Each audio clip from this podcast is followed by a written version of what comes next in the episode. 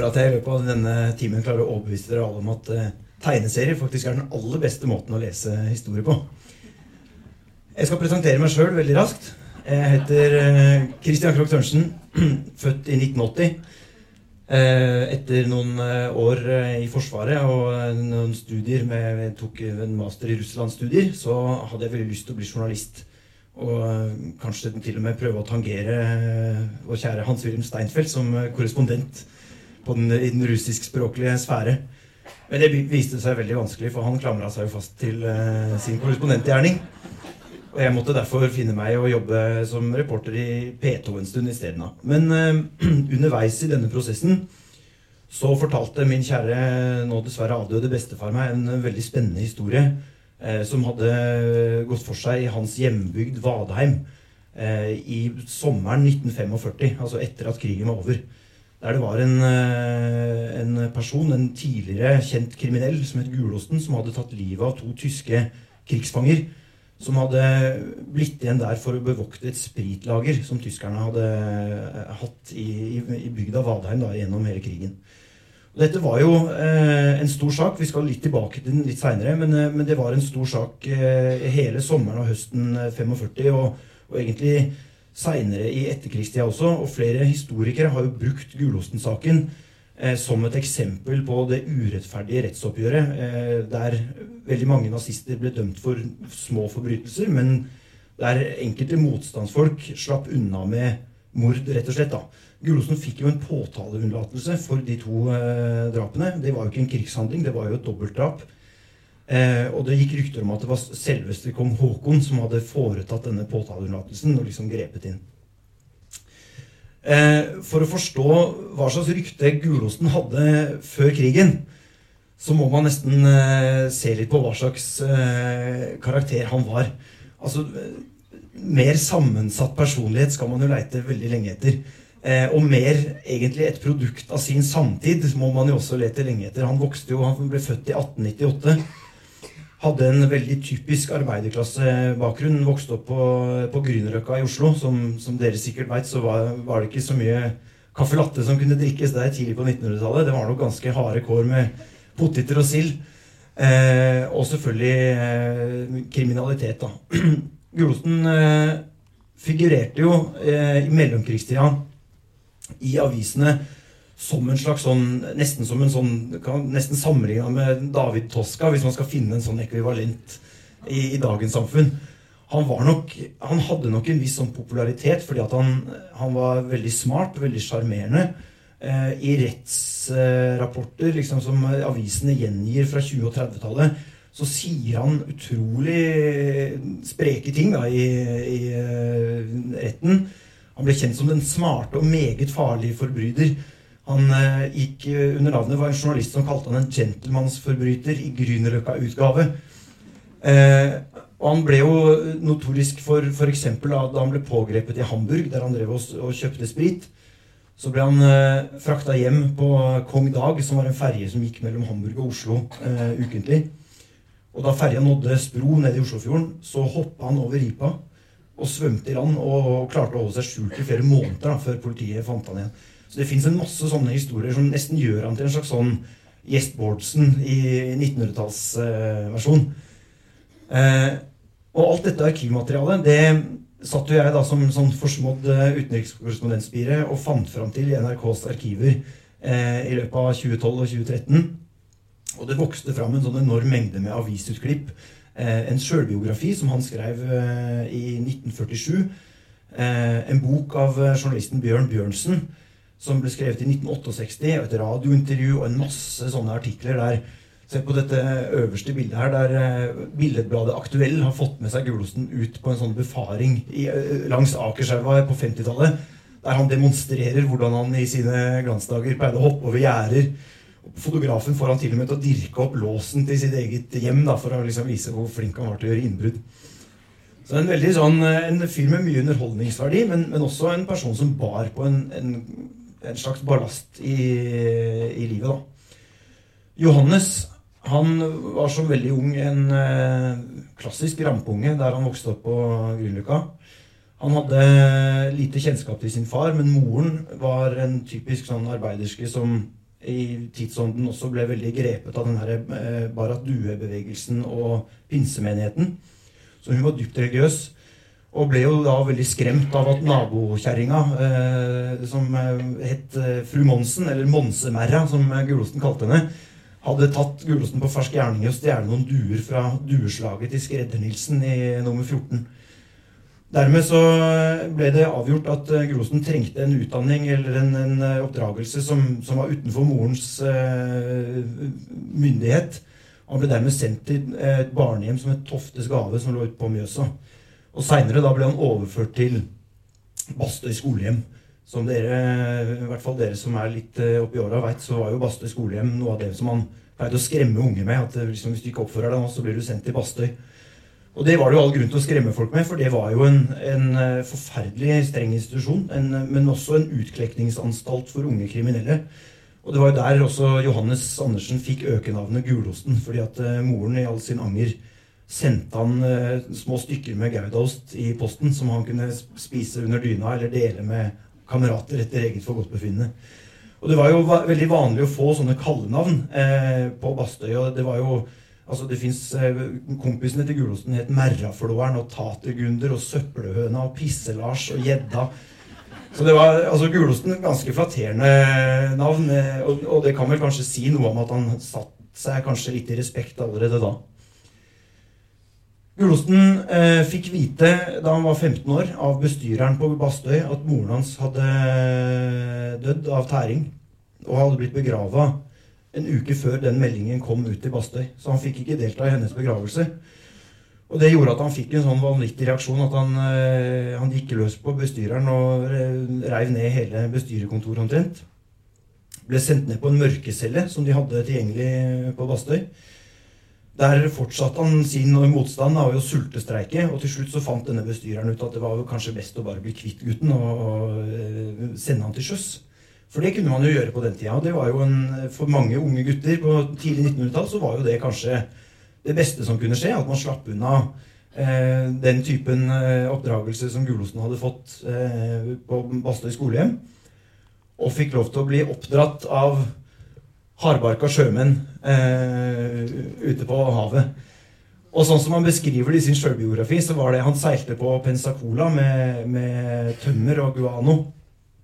Og fikk jo en del kamerater der som eh, en, eldre, en gjeng eldre sjømenn som oppdro han med hor og fyll og alt det som hørte sjømannslivet til på den tida. Så det er jo ganske merkelig å tenke seg at det er ikke mer enn 100 år siden eh, tenåringer kunne, kunne gå liksom fra nesten en sånn fengselstilværelse på Bastøy til eh, en ekstremt sånn utagerende eh, tilværelse ute i sånne havnebyer på andre sida av eh, jorda. Men, men, jeg tror man skal være klar over også at oppdragelsen som sjømann var, kunne være ganske Det er kanskje noen av dere i salen som har vært til sjøs som unge. men det, det, var nok ganske hardt også. Man ble jo godt passa på av eh, eldre sjøfolk som godt kunne gi en en ørefik eller en omgang juling hvis man ikke gjorde det man ble fortalt. Så det var nok harde kår. Men jeg tror at for Gulosten kanskje det beste alternativet. Eh, I hvert fall i forhold til det han hadde opplevd tidligere i livet. Eh, etter at de hadde vært i Pensacola, så var de innom Liverpool, og plutselig så brøt første verdenskrig ut. Og dermed så var det å være sjømann en eh, helt annen og mye, mye farligere eh, tilværelse og yrkeskarriere enn det han hadde tenkt seg. Så kanskje etter gode råd fra mer erfarne folk som ja, De visste vel kanskje ikke i 1914 hvor ille det kom til å bli. Det var jo 2000 norske sjøfolk som døde i løpet av første verdenskrig. Eh, selv om Norge var en nøytral nasjon. Men han øh, gjorde kanskje klokt i likevel å mønstre av og reise hjem igjen øh, til Kristiania. Her øh, gikk begivenhetene ganske fort. Han var heldig og fikk arbeid som murersvenn. Det var jo, altså Selv om det var krig, så var jo Norge i hvert fall de første åra av første verdenskrig i en veldig heldig posisjon med veldig mye spesielt, altså god økonomi og veldig mye nybygging. Gulosten møtte også en jente som het Louise, som pleide å jobbe som serveringsdame på Lompa. Eh, og De begynte å gå på kino sammen, og før han var fylt 18, så var de allerede gift og hadde en liten sønn. Så han eh, så ut til å ha litt hastverk. Men foreløpig, da, i 1914, så så utsikten ut til å være de beste for en gutt som hadde fått en litt uheldig start på livet. Men mellomkrigstida, eller første verdenskrig og tida som skulle komme, var nok eh, en, en tid som ga en del spesielle omstendigheter for, for spesielt de som ikke var så godt stilt. Jeg tror jeg, jeg hørte jo dere hadde hatt to torsdager nå om uh, amerikansk politikk. og jeg tror Det er jo riktig å si kanskje at uh, 2017 er et år vi har begynt på med en viss sånn usikkerhet for framtida. Jeg tror at For 100 år siden, i 1917, så kan man jo si akkurat det samme. Det var nok en tid med veldig store omveltninger. Det var jo krig ute i Europa. Og, og i 1917 så hadde man jo blitt klar over at moderne krigføring det var noe helt annet enn det man kanskje hadde sett for seg. Det var jo uh, masseslakt av, av, millioner av mennesker som døde på slagmarken for, for, en våpenteknologi som man ikke hadde forestilt seg man, man skulle klare å framstille. I Norge var det jo fred, men hele den situasjonen ute eh, gjorde jo at man fikk en veldig sånn ustabil økonomisk tilværelse her i landet også. Eh, det førte jo til sterke politiske motsetninger. Vi hadde jo en veldig sterk arbeiderbevegelse som var inspirert av eh, revolusjonen i Russland i 1917, og som begynte å håpe at man kunne eh, klare å få bukt med klasseforskjellene ved en form for voldelig revolusjon. Framtidsutsiktene var jo veldig usikre.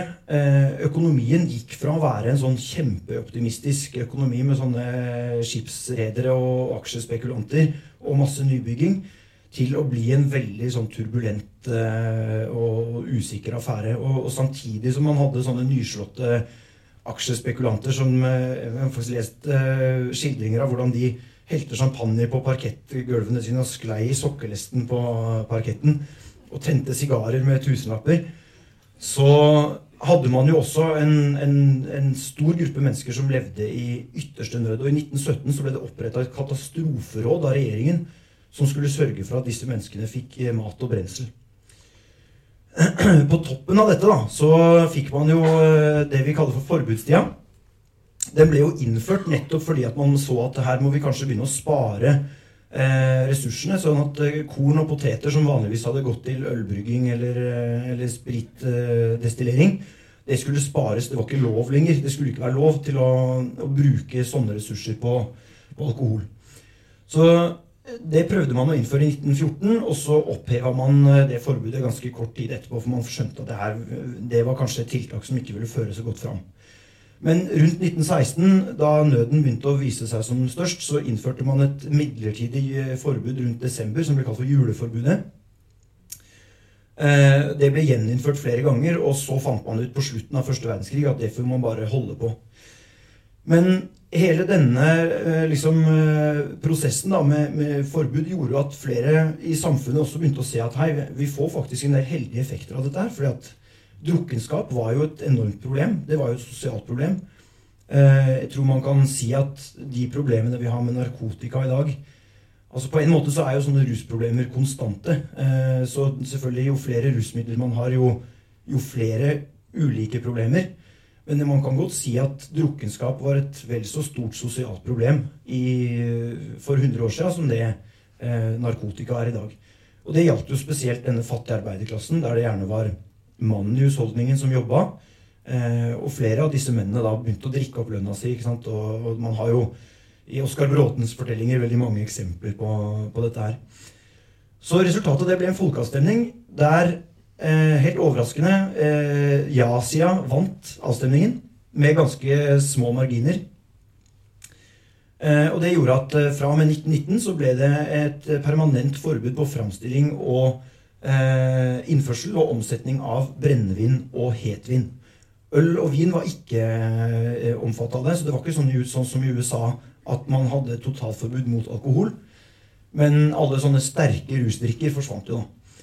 Eh, og så var det jo litt sånn pinlig etter hvert, fordi portugiserne begynte å protestere når nordmennene ikke ville ha portvin inn lenger. Så sa de at ja, men da vil ikke vi ha klippfisken deres lenger heller. Og klippfisk var jo en veldig veldig stor eksportartikkel, så da fant regjeringen ut at hei, da må vi kanskje jenke litt på det. Så det var jo faktisk bare sprit som var eh, forbudt da mellom, mellom 1919 og 1927, da en ny folkeavstemning avskaffa forbudet. Det det som var veldig pussig, var jo at uh, mange av de som stemte for forbudet, hadde jo regna med at nå, nå, skulle man bli kvitt liksom, disse sosiale problemene med fyll og alkoholisme. Men det motsatte skjedde jo, faktisk. Eh, så kanskje fordi at man hadde andre tilgjengelige former for alkohol som man kunne drikke, så, så økte jo Eh, antallet alkoholproblemer og antallet rapporterte eh, liksom, eh, hendelser hos politiet da, når det gjaldt eh, drukkenskap. Du fikk også en, eh, en veldig sånn merkverdig, et merkverdig fenomen i form av leger og veterinærer som fortsatt hadde en sånn medisinsk eh, klausul. At de kunne skrive ut sprit til medisinsk bruk. Og det er jo morsomt å lese at én lege faktisk skrev ut 48 000 spritresepter per år. Du ser, eh, Dette er jo en kjempeflott tegning av en samtidig karikaturtegner som het Jens R. Nilsen. Der liksom legen svetter mens han skriver ut disse reseptene, og det står en hel gjeng med ja, Om de ser sjuke ut, så er det kanskje ikke noen annen, annen sykdom enn noe alkoholrelatert som gjør at de står i den køen. Det var også et eksempel på en veterinær som altså du, eh, Veterinærer solgte jo, kunne omsette sprit for å uh, vaske dyr, da, altså desinfisere dyr. Og Da var det en hund som ble sendt rundt som folk kom med liksom, for å få vaska. Og etter at den hunden hadde gått på rundgang blant hele pasientkretsen, så viste det seg at det var faktisk veterinæren som eide den bikkja. Så han fikk den hjem. Så, og naturlig nok så begynte jo liksom hjemmebrenningskulturen også å gjøre seg gjeldende i denne perioden. da. Men det som kanskje ble det vanskeligste fenomenet å håndtere, det var jo smugling. Og det ble smugla på alle mulige måter. Som dere ser her, jeg som har tegna hun med flasker under kjolen. Eh, ikke sant? I fiolinkasser. Det finnes, fantes egne sånne blikkenslagere som hadde liksom hamra tanker som folk kunne ha under klærne.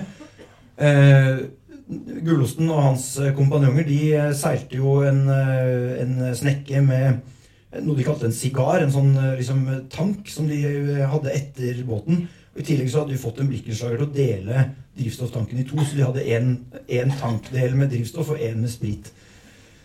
Eh, det ble omsatt sprit for 50-60 millioner kroner per år, som altså på den tida var en helt ufattelig svimlende sum.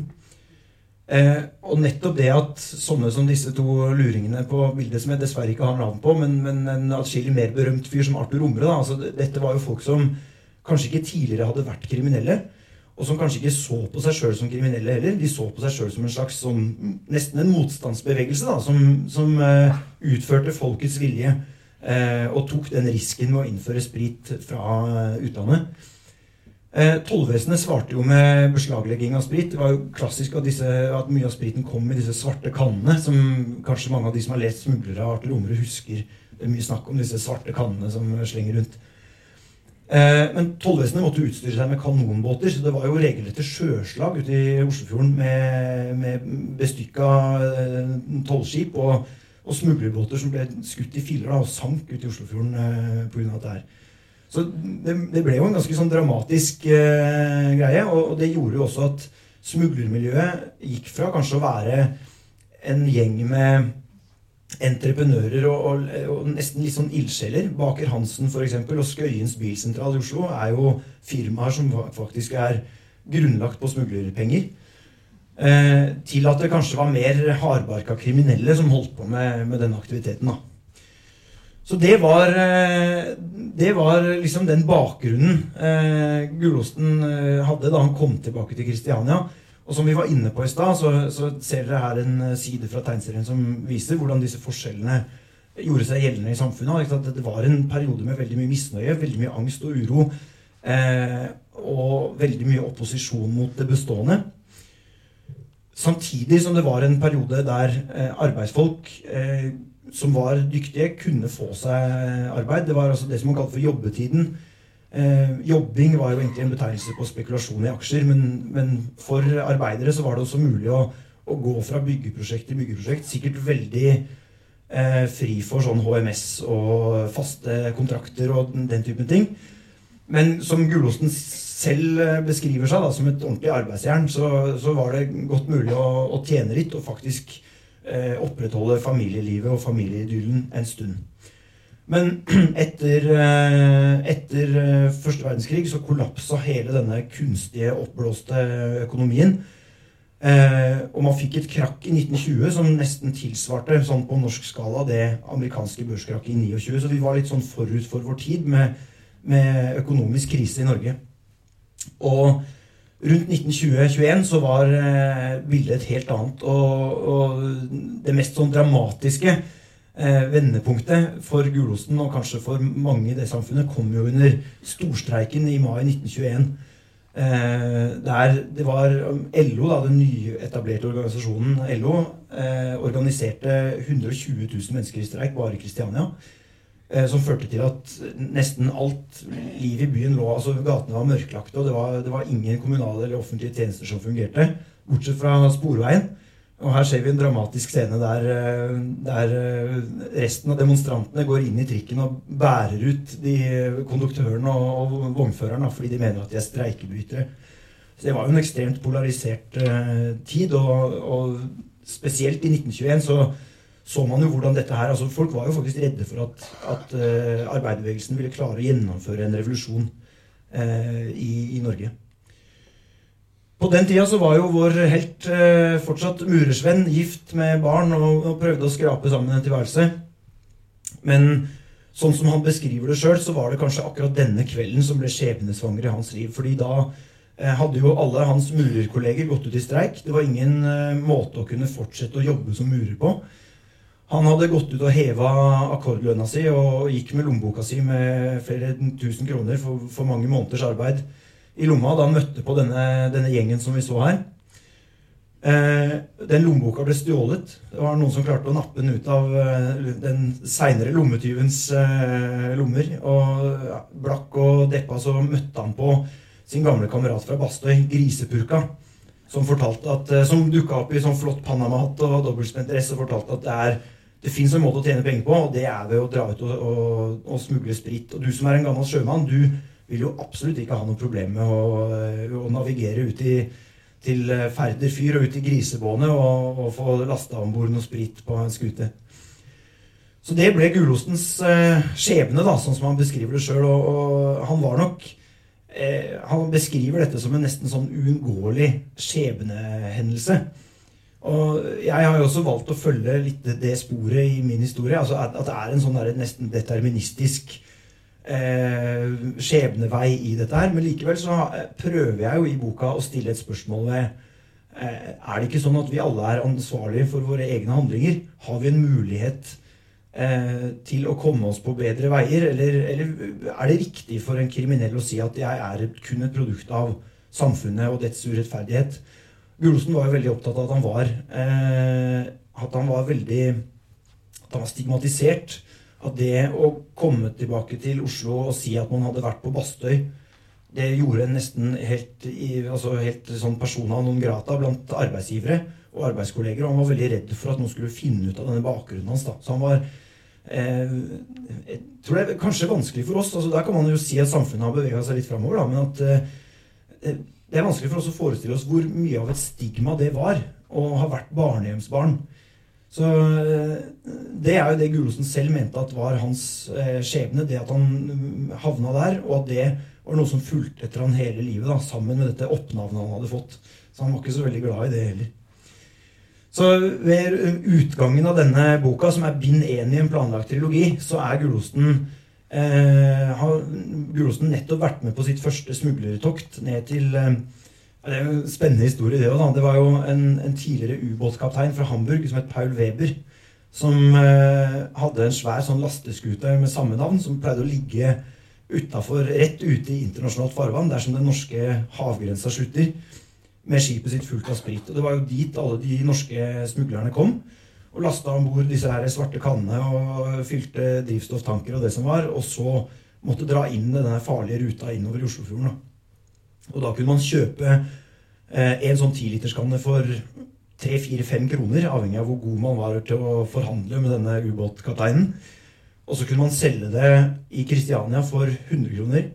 Og oppover i Innlandet for altså, kanskje det dobbelte. Det fins eksempler på spritkanner som har blitt omsatt oppå Rena for eh, 250 kroner, som var ekstremt mye penger på den tida. Så eh, her var det jo store muligheter, og, og det er jo det som er litt morsomt med Gulosen. at når han, når han, beskriver hvordan han er et produkt av, eller liksom eh, offer for denne, for denne, stigmatiseringen, så har han jo ingen unnskyldninger for at han faktisk i sin kriminelle karriere blomstra, både som liksom profesjonell kriminell da, og, og, entreprenør. For han starta jo sin egen eh, altså Han kjøpte seg sin egen båt og utvida den. liksom eh, Båtparken hans vokste, og han hadde masse ansatte. Han hadde en båtslipp i Drammen Der de eh, foredla spriten og tilsatte forskjellige essenser. Da, så du kunne få konjakk og whisky og eh, rom basert på liksom den samme råspriten som de hadde fått fra Tyskland. Og var masse i Hamburg sjøl og handla og, og styra. Så på en måte så var det jo kanskje et lykketreff for han at istedenfor å måtte skrape sammen en, til en sånn litt hustrig tilværelse som arbeider, så ble han en, eh, en, blomstrende og smart og farlig og sjarmerende forbryter. Da, en gentlemansforbryter, sånn som de kalte han. Eh, som dere kanskje skjønner, så har jo jeg brukt veldig mye tid på research i min eh, i omgang med, med, denne historien. Og det er vel helt vanlig for forfattere i sakprosasjangeren. Man, man må jo gå fram selv om altså man ender, enten man ender opp med sakprosa eller en dramatisering. Så er jo måten man går fram på, at man leser veldig mye, at man setter sammen informasjon, at man nesten jobber litt som detektiv ved å liksom sidestille forskjellige avisartikler. Eh, prøve å bestride sannhetsgestalten i denne sjølbiografien, f.eks. Eh, prøve å finne ut om, om hendelser som er beskrevet i forskjellige kilder Eh, stemmer overens med hverandre osv. Men det som kanskje gjør det ekstra spennende med å lage tegneserier, det er jo at du må drive research på det visuelle planet også. Eh, det blir jo nesten som å være filmskaper. At du må jo eh, du må utstyre karakterene dine med, med tidsriktige klær. De må kjøre riktige biler. Må, altså, du må portrettere eh, kulisser som stemmer overens med den tida. Og kanskje noe av gleden med å tegne dette her, det har jo nettopp vært det å og prøve å gjøre det så tidsriktig og få til den tidsriktige stemningen så godt som mulig. da. Og mye av kildene jeg bruker, er jo fra gamle fotoarkiv. Og her er jo eh, det fotoet på, høyre på høyre side her er tatt av en tysk fotograf som het August Sander. Akkurat som vår egen Anders Behr Wilse, så var jo Sander en sånn dokumentasjonsfotograf som har tatt veldig mye fine bilder på den tida av altså forskjellige yrkesgrupper. Det er liksom bakeren med sitt brød, det er mureren med sine mursteiner. altså Det er veldig sånn stilistisk og skjematisk stilt opp da, til stor hjelp når man skal drive denne formen for etterforskning. Jeg har jo vært så heldig å få være ute på Bastøy, der veldig mye av den bygningsmassen eh, står enda. Eh, men, men, fortsatt så kan det jo være like greit å sitte i eh, hjemmets lune rede og tegne fra gamle fotografier. Eh, Bastøy er jo nå en sånn åpen soningsanstalt som er drevet av kriminalomsorgen med, med, veldig gode resultater. Men de bruker faktisk veldig mange av disse gamle bygningene enda. Eh, jeg bor jo i Oslo, eh, og jeg syns noe av det morsomste med denne, denne, tegningen av denne boka, det har jo vært å prøve å se for seg hvordan Oslo eller Kristiania så ut i gamle dager, altså for 100 år siden. Og det må jo sies at i motsetning til her i Stavanger, så syns jo jeg at vi oslofolk har vært veldig dårlige til å ivareta våre gamle bylandskap. Så veldig mye av dette her må også gjøres ved hjelp av fotografier. Men, men der fins det jo veldig mye hjelp i form av både bøker og, og Nasjonalbiblioteket og det som heter Digitalt museum, der du kan slå opp søkeord eh, som gjør at du finner hver eneste gatestump og hvert eneste hus som du leiter etter, nesten. Og det, det er overraskende mye som er dokumentert. Eh, og selvfølgelig er det jo også veldig morsomt å prøve å eh, finne bilder som du kan liksom bruke i, i og, og, tegne ut da, for å få denne tidsriktige denne tidskoloritten. Og kanskje aller morsomste er jo når man går over til disse her bandittene. For jeg, må jo si at det som har overraska og gleda meg aller mest, det er jo det å, å finne ut at eh, 1920-tallets Kristiania det var en yngleplass for et organisert kriminelt miljø der sånne økenavn var veldig vanlig, selvfølgelig. Og der folk hadde en god del sånne karakteristika som, eh, som er veldig morsomme. Altså det, det, er nesten som eh, Olsenbanden møter den her Boardwalk Empire-serien som har gått på, eh, på, TV i det siste. Eh, jeg har jo også måttet prøve å sette meg inn i, i litt teknisk tegning. Som dere ser på høyre side her, her er den, eh, den spritskuta som jeg fortalte om i stad, med den drivstofftanken som er delt i to. Og det var jo også vanlig at disse smuglerne altså De må jo ha vært veldig nevenyttige typer, og det har vært mange involvert som altså både tømrere og blikkenslagere som, som fant altså Det må jo ha vært en stor økonomi eh, med folk som bisto disse smuglerne. da, det, det, gikk jo veldig mye penger inn, så det var jo sikkert en masse penger som sirkulerte rundt hos nevenyttige folk som ville hjelpe til med å sette i stand en båt på en sånn måte som dette her. Eh, mellomkrigstida var jo en periode som inspirerte veldig mange norske kunstnere. Eh, og veldig mye av det som jeg har eh, tegna ut, har jo også vært veldig inspirert av disse kunstnerne. fordi at det er jo få, få andre, eller få som er bedre enn kunstnere til å portrettere sin samtid. Og jeg må si at jeg ble utrolig gledelig overraska over å finne at uh, veldig mange av, av, de største norske kunstnerne, da, Aksel Revold som er et eksempel her, og Alf Rolfsen, Per Krog og alle disse freskemalerne, de hadde jo en bakgrunn som egentlig veldig samfunnskritiske, radikale eh, kunstnere som skildra sin samtid med et veldig kritisk blikk, men som samtidig også viste fram selvfølgelig Dette er jo liksom Aksel Revold på, på sitt mest sånn sosialdemokratisk eh, romantiske og drømmende da, med, med, hele folket i arbeid og, og, liksom bygging av landet. Min fjerne slektning Christian Krogh har jo også malt et utrolig flott bilde av denne eh, totalavholdsbevegelsen, som jeg syns eh, var veldig fascinerende. Her ser man jo jeg syns det lyser av, av Krogs maleri her hva han egentlig syns om denne gjengen som sjøl på ufyselige regnværsdager skal skramle rundt i gatene med hornorkestrene sine og holde fanen høyt. Til tross for at nesten ingen møter opp for å høre på dem. Men det, jo, det, ligger mye sosial kommentar i dette bildet, syns jeg. Så mye faktisk at jeg valgte å ta det med i en sånn overført uh, versjon da, i, i, min bok. Jeg har tenkt og levd etter det prinsippet om at eh, det, det sies jo at en eh, altså Hvis du stjeler fra én annen kunstner, så er du jo en plagiat. Men hvis du stjeler fra 1000 andre kunstnere, så er du jo sjøl en sann kunstner, da.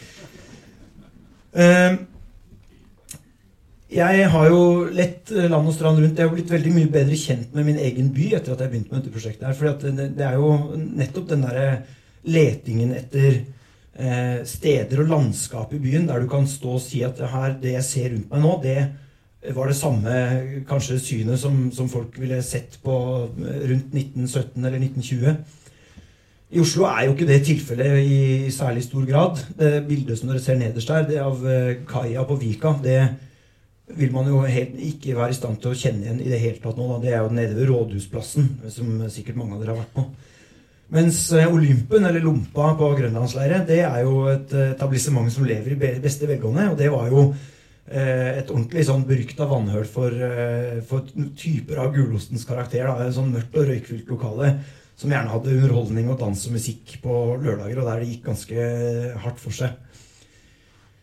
Så med denne innsamlingen av all denne her researchen, så er jo som, som, sagt eh, tegnerens eh, både glede og last i livet at man ikke bare skal sette seg ned og skrive dette her, men det skal også tegnes. Eh, og jeg har jo valgt å gjøre det på mest mulig analogt vis. Eh, med tegneblokk, blyant, splittpenn og, og, blekk. Og det er jo til dels fordi jeg har ønska å prøve å, å, å, tilnærme meg en tegnestil som jeg liksom kjenner igjen fra samtidige sånne karikaturtegninger, da, som dere så av Jens R. Nilsen i stad.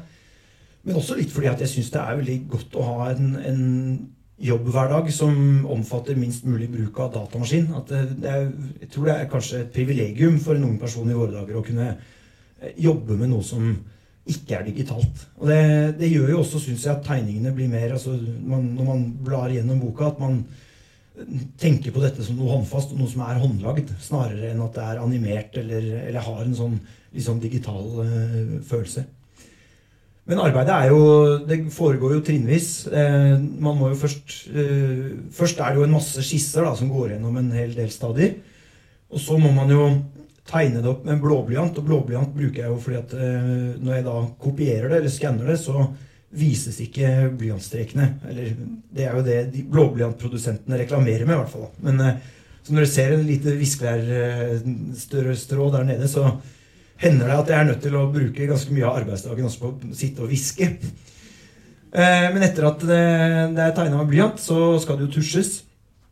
Og det er jo kanskje den fineste delen av jobben, for den, det er jo en slags sånn altså en jobb som krever litt lettere konsentrasjon. Altså, da kan man høre på lydbok eller musikk og, og sitte og, og, tenke på andre ting så lenge man har tunga rett i munnen og klarer liksom å treffe de blyantstrekene.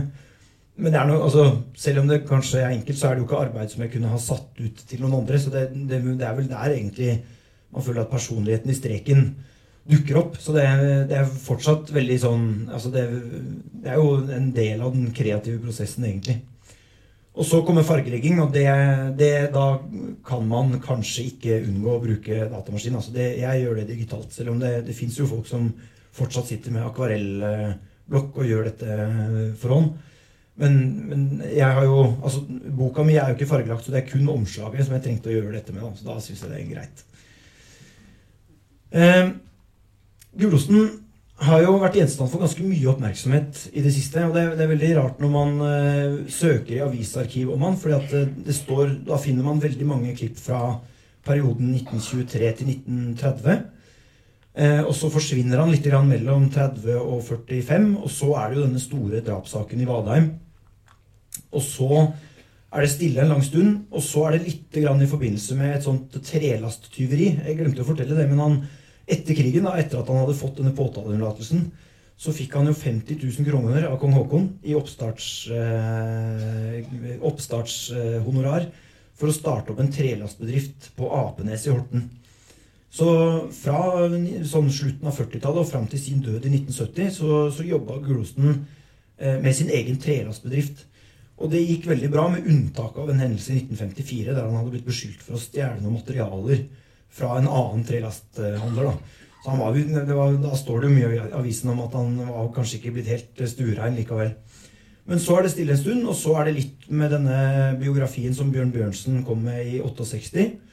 Og så er det helt stille fram til faktisk Da jeg begynte med, med, arbeidet på boka mi, så fant jeg ut at det også var noen som lagde en dokumentarfilm om Gulosen. Og den dokumentarfilmen kom ut ja, kanskje to uker før min bok. Så altså, vi, vi, har jo snakka sammen, jeg og han dokumentarfilmskaperen, og jeg har jo funnet ut at det er jo egentlig bare bra for oss begge. Men så er det også en historiker som heter Per Eivind Hem, som nå eh, veldig snart kommer med en tjukk bok om Gulosten Eh, og med spesielt fokus på hans, eh, hans virke under krigen og denne saken mot han eh, etterpå, da, den dobbeltdrapssaken. Men jeg har jo lurt veldig på hva det skyldes at en sånn person eh, plutselig i våre dager har fått så veldig mye oppmerksomhet. er jo, han, han har jo vært godt kjent i offentligheten over lang tid. Eh, så det, det, skulle jo ikke være noen grunn til å liksom, at det skulle være helt stille, og så plutselig komme så mye oppmerksomhet. da. Men jeg lurer på om det har med å gjøre at man nå er inne i en, en fase der veldig mange av de førstehåndsvitnene som opplevde andre verdenskrig som voksne, er i ferd med å forsvinne, og at man kanskje da tillater en mer sånn revisjonistisk og mindre skal man si, følelsesbetont eh, framstilling av krigen og okkupasjonen. At sånne personer som Gulosten som, altså Han, han jobba jo for motstandsbevegelsen gjennom hele krigen. Eh, fram til han ble kasta ut av motstandsbevegelsen da, i 43 og, og tjenestegjorde som skytter i marinen. Eh, så han, han, var jo etter alle solemerker en, en krigshelt da, som, som, valgte riktig side under krigen og, og, gjorde veldig mye for landet sitt. Ble veldig god venn med kong Haakon. Men antagelig så har jo både bakgrunnen hans og denne drapssaken gjort at han har, så, han har, han har blitt så problematisk. Han har ikke vært en sånn eh, ensretta helt på linje med Sønsteby og Max Manus og disse her, som, som har gjort det enkelt å forklare eh, hva slags person han var. Så dermed har han vel kanskje blitt litt tia ned. Og dette var jo noe som opprørte han veldig eh, så lenge han levde. Han mente jo at han hadde blitt utsatt for et slags sånn komplott, som kanskje var en sånn videreføring av de fordommene og den stigmatiseringen han hadde opplevd mot seg sjøl i, i ungdomstida. Så fram til sin død så, så var han ja, Han ble jo i økende grad en bitter mann. Han hadde jo pådratt seg en del skader under krigen som plaga ham veldig fysisk. Samtidig som han syntes at han ble, han ble nekta den anerkjennelsen han burde ha hatt for, for den innsatsen han gjorde.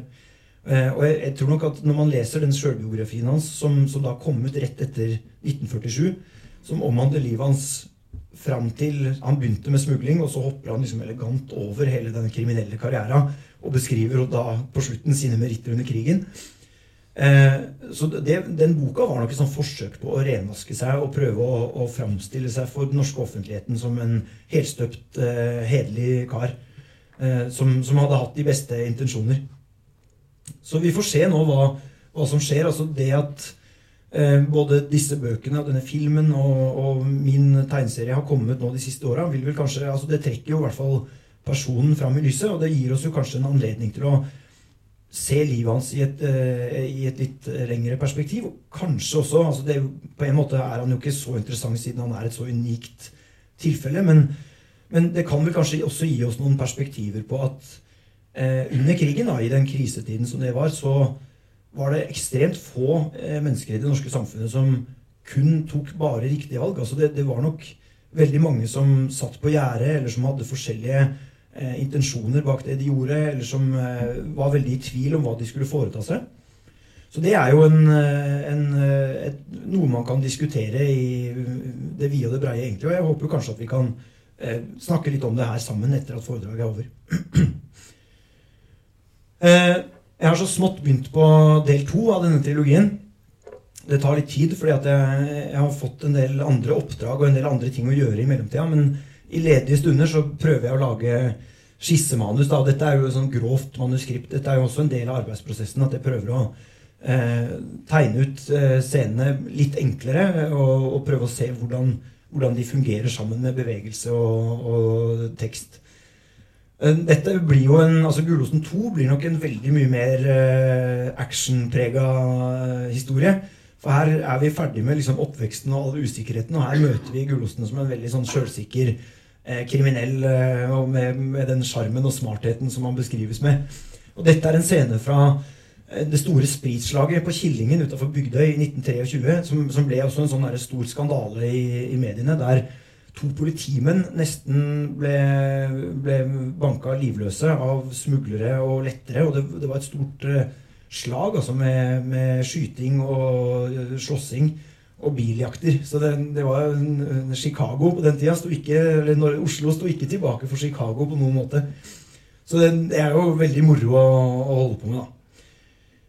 Eh, jeg begynner å nærme meg slutten nå. Eh, jeg syns jo eh, det, er, altså, det som er givende da, med å jobbe med, med tegneserie, det er, det, er, det er, jo nettopp det som jeg har sagt, at det, det er veldig morsomt å drive med noe visuelt. Eh, det er veldig morsomt å slippe å være en filmskaper som må altså Misforstå meg ikke, jeg er jo en utadvendt type og glad i å samarbeide med folk, men jeg er på en måte glad for at jeg slipper å ha med en masse sånne produsenter og kamerafolk og skuespillere å gjøre, og på en måte kan regissere min egen historie uten at noen protesterer.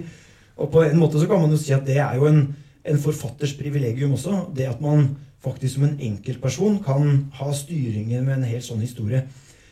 Det, det, jeg tenker veldig mye på, det er jo hva slags rettigheter jeg har, eller hva slags frihet jeg har, da, det som kalles kunstnerisk frihet, i omgangen med historisk materiale.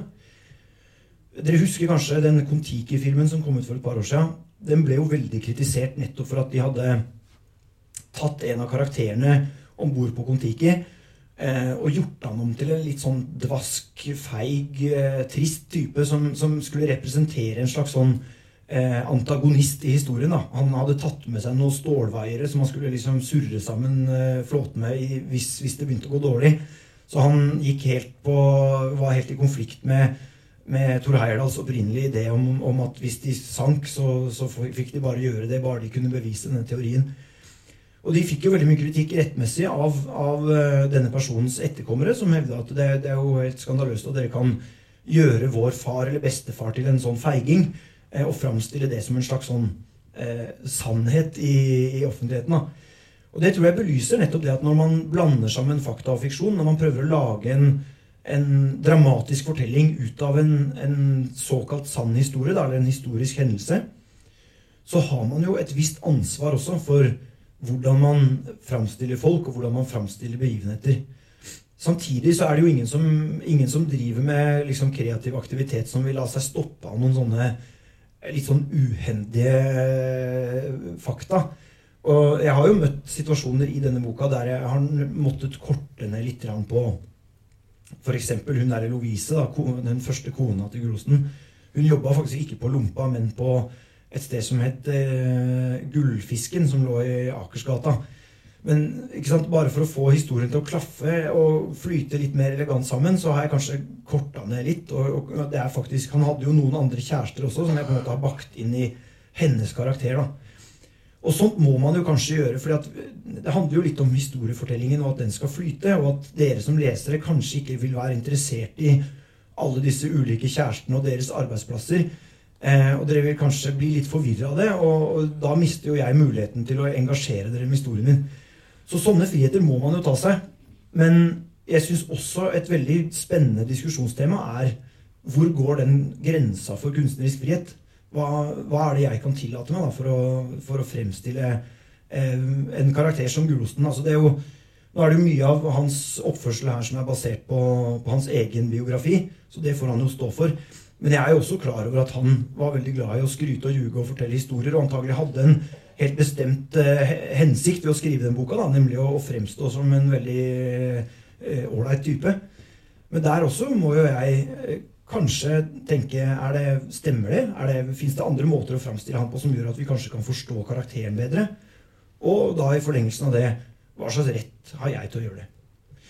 Så med de ordene så håper jeg at vi kanskje kan få litt spørsmål fra salen og litt eh, diskusjon etterpå. Men eh, før det så vil jeg gjerne takke for oppmerksomheten og advare dere da med ordene 'en gang Bastøy-gutt, alltid Bastøy-gutt'. Takk for meg.